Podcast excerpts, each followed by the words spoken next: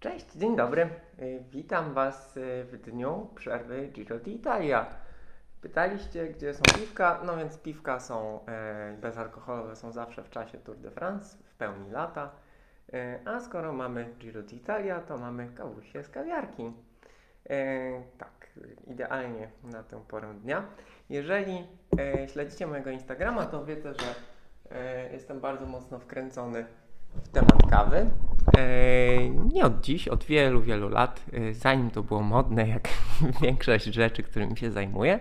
Em, Kawa z kawiarki Bialetti, klasycznej, aluminiowej, natomiast e, żeby nie było wątpliwości, jest to kawiarka specjalna. Jest to kawiarka w wersji racingowej, ponieważ e, wymieniłem w niej filtr na specjalny od e, IMS EB Lab, m, taki z precyzyjną e, z precyzyjnie wykonanymi e, dziurkami. Jest ich więcej, a to są mniejsze, więc kawka naprawdę z kawiarki jest e, dużo bardziej wyekstrahowana, lepsza, ma więcej olejów, w ogóle jest cudowna. E, I to najważniejsze, kawa jest e, świeża, z lokalnej pa- palarni, od razu zmielona przed e, zaparzeniem e, w przyzwoitym ręcznym młynku, e, wszystko zgodnie ze sztuką, e, chociaż e, nie jest czarna jak węgiel, e, więc mieszkańcy Neapolu pewnie byliby nieco zawiedzeni. Tyle słowem wstępu, e, ponieważ dzisiaj jest dzień przerwy, więc e, troszkę e, mniej zobowiązująco. Mm, Po kawce y, kolejny punkt programu jest taki, że chciałem Wam wszystkich podziękować.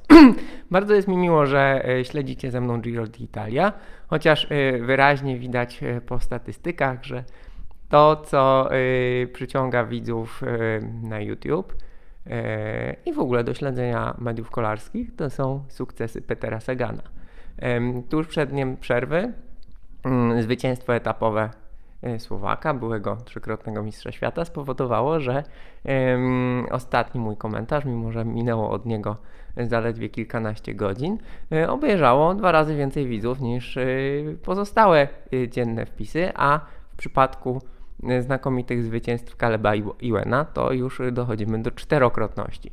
E, No, tak to jest, że kibice, widzowie, fani e, wolą walkę w górach, wolą walkę o klasyfikację generalną i e, najbardziej tak naprawdę lubią zawodników em, z tą największą charyzmą nie tylko na szosie, ale i poza nią.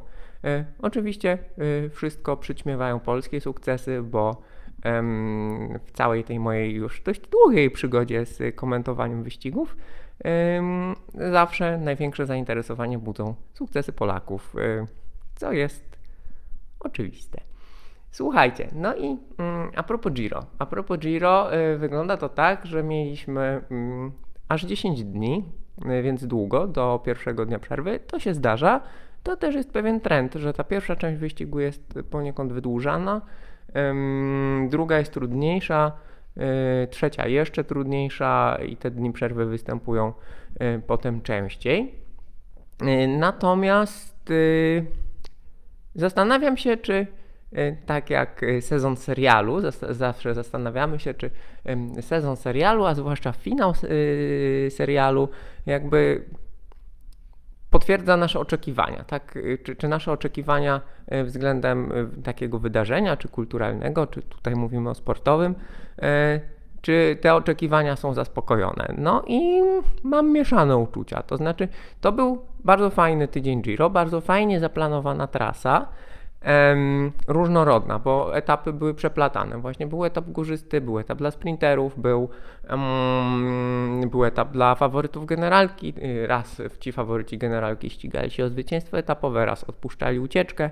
Y, Te ucieczki też były bardzo fajne. W ogóle symptomatyczne jest, że tych ucieczek skutecznych em, mamy całkiem sporo. Y, Więc y, tak na papierze wyglądało to fajnie. Natomiast y, z punktu widzenia całego wyścigu i tego, co się dzieje, to ten pierwszy tydzień no nie jest póki co jakoś bardzo istotny. To znaczy, oczywiście pożegnaliśmy niestety Mikela Landę, który y, doznał kontuzji w kraksie, w kraksie na płaskim etapie, mm, co też nie jest niczym dziwnym, bo takie rzeczy się zdarzają niestety i praktycznie na każdym wielkim turze. y, jakiś faworyt y, w takich okolicznościach wypada. Szkoda, bo Landa i jego drużyna Bahrain Victorious y, no, wyglądali po pierwszym górskim sprawdzianie, wyglądali na naprawdę mocnych, zdeterminowanych, dobrze przygotowanych, więc wszystko to szło w dobrą stronę. Natomiast no, pech. Pech, pech albo dekoncentracja, albo nadmierna koncentracja, trudno stwierdzić.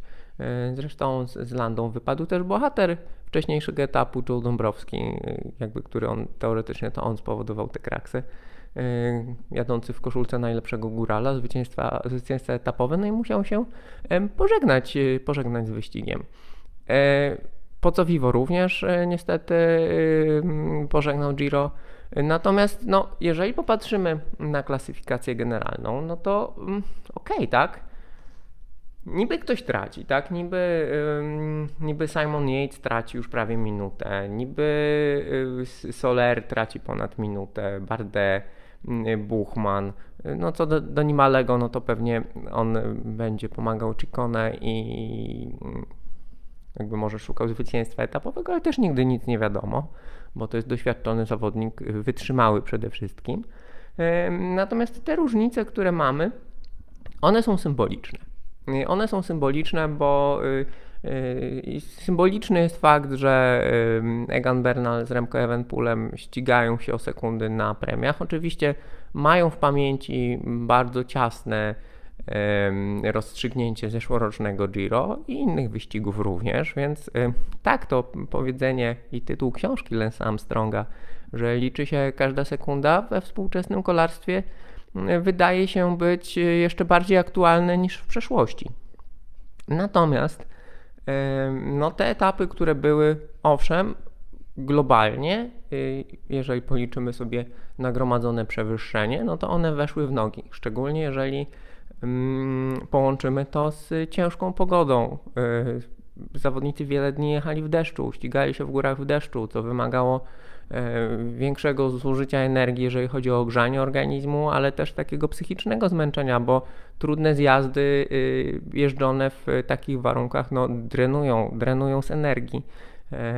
No i też jakby odżywienie mózgu, wbrew pozorom, układu nerwowego, który jest bardziej napięty w takich warunkach, również powoduje, wymaga jakby większych zużycia większej ilości zasobów na, na to, żeby bezpiecznie przejechać taki wyścig.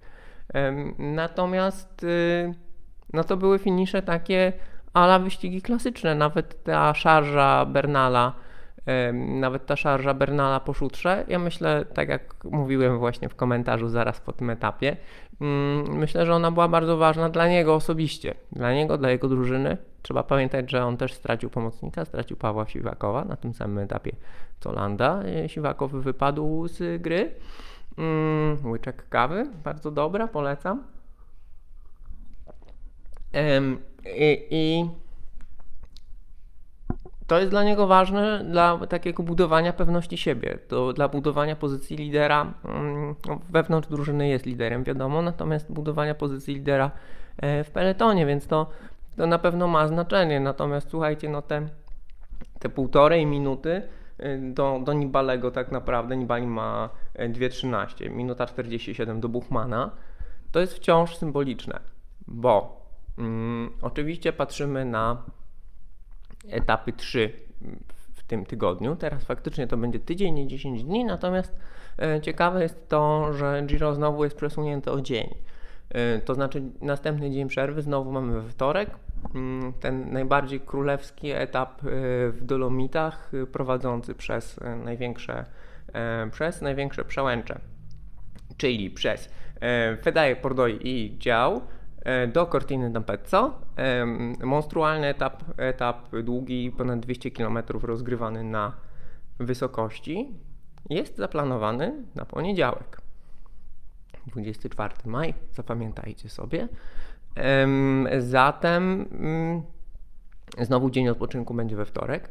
E, I to jest poniedziałek, trzeba odliczać no, do tyłu. E, w sobotę mamy Zonkolan, Zonkolan, który teoretycznie jest jechany E, od tej mm, niby mniej trudnej strony, no natomiast tam również mogą być różnice. Myślę, że 30-40 sekund tam można zrobić, bo y, do stromej końcówki dojeżdża się nie mniej stromym mm, takim podprowadzeniem, które no, będzie sprzyjało, y, myślę, drużynie Ineos, żeby,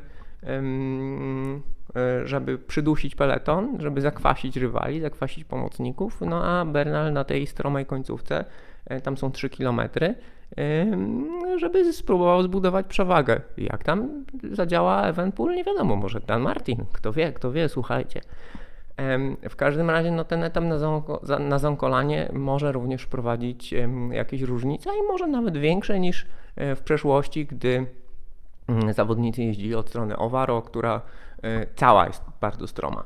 E, ten podjazd od strony Sutri, o którym mamy w tym roku, był w ogóle Zonkolan zadebiutował podjazdem z tej strony, no i tam Gilberto Simoni się świetnie, świetnie spisał i tak naprawdę no, budował, budował przewagę w wygranym przez siebie Giro.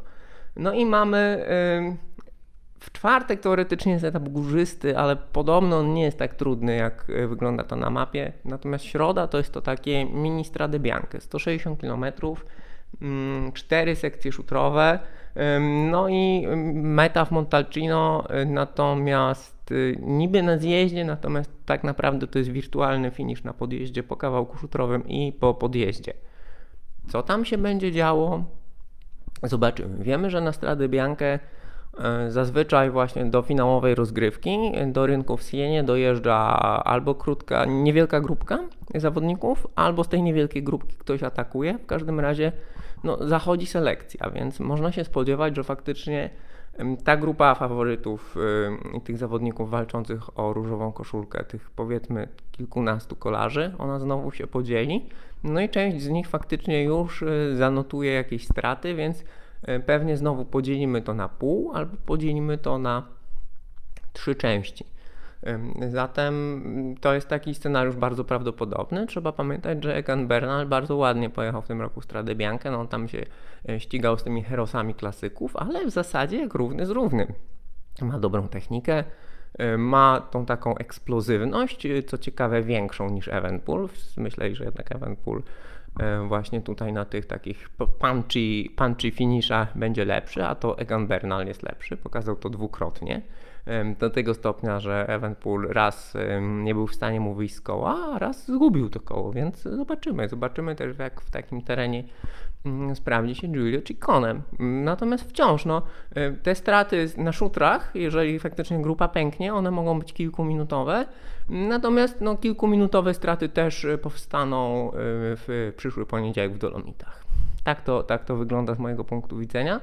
Mm, Patrząc na to, co mamy, no to mamy w niedzielę 23 maja to będzie pewnie etap ucieczko-sprinterowy, chociaż może Peter Sagan pokusi się o jeszcze jedno zwycięstwo. Płaski jak stół piątek stricte dla sprinterów, może tutaj w końcu Elia Viviani albo Giacomo Nizzolo, oni bardzo, bardzo pragną mm, zwycięstwa etapowego. No i czwarteczek, czwarteczek jest dla, dla ucieczki. No zobaczymy jak to będzie. Wielka szkoda, że Tomasz Marczyński musiał się wycofać. E, także nie, mimo że sytuacja się uspokaja, nie, mm, nie deprecjonujcie COVID-u, no bo wygląda na to, że Tomasz Marczyński po przebytym kilka miesięcy temu zakażeniu, no nie doszedł do siebie.